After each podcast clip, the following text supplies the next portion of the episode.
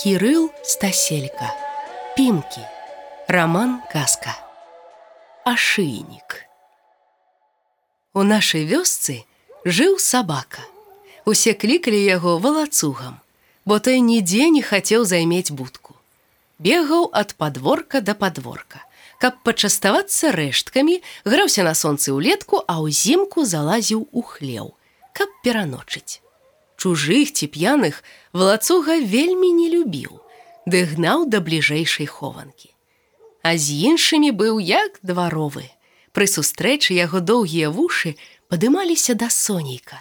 Хвост хутка віхляў і сваім свавольствам разганяў любую цёмную хмару смутку, якая ў гаспадара высмоктвае сілы і жаданні, ды цягне да ўзножжа заходу. А вочы глядзелі так ласкава, што нават каменнае сэрца сыпалася пяском.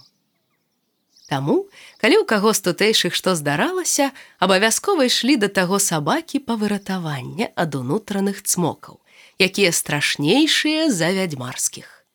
Аднойчы мясцовыя заўважылі, што вушы валацугі ўздымаюцца ўжо не да сонца, а толькі да дажджу.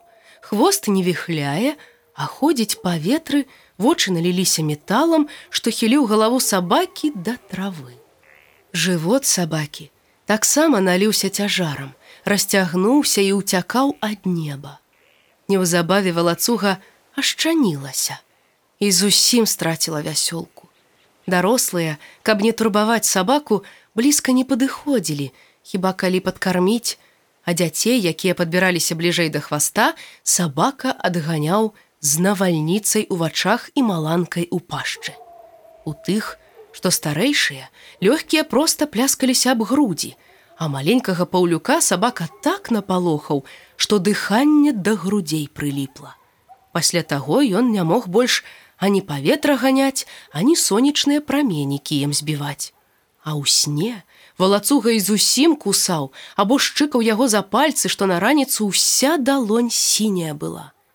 Што толькі не рабілі родныя хлопчыка, каб развязаць або перарэзаць вузел, што змацоўваў яго з сабакам.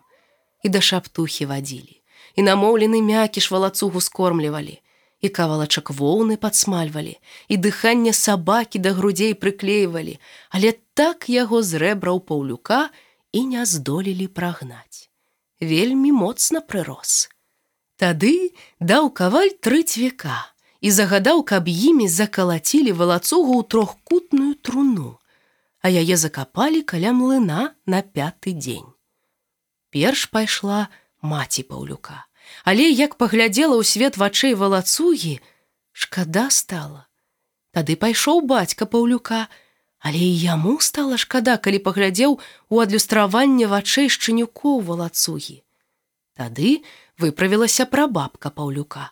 Яна зрэзала воўны, подняла зуб, а ў рыбін пухір запячатала дыханне сабакі. Прынесла ўсё гэта назад, паклала ў трохкутную труну, закалаціла трыма цвікамі, якія даў каваль, а на пяты дзень закапала яе непадалёк ад млына. Так атрымалася закапаць падман, а подых паўлюка адарваць ад грудзей. Ён зноў мог казытаць чужыя вушы і хаваць далоні але праз дзевяць заходаў валацуга сама сышла пад тры жалезныя цвікі. Яе шчанюкоў нашых то куды забралі за агароджу, аднаго сабе ўзяў і паўлюк, назваў яго чарныш і сам змайстраваў ашыйнік. Калі чарныш сышоў услед за валацугам, паўлюк надзеў той ашыйнік яго шчанюку, якога пакінуў сабе і назваў хвасток. Калі хвасток сышоў услед за чарнышом, Паўлюк надзеў той ашыйнік ягонаму шчанюку, якога таксама пакінуў сабе і назваў сябра. А ў сябра не было шчанюкоў. Таму калі і ён пайшоў на пяты світанак пасля свайго гаспадара, дзецям паўлюка ужо не было на каго надзяваць гэты стары ашыйнік. І яны проста схавалі яго на гарышчы.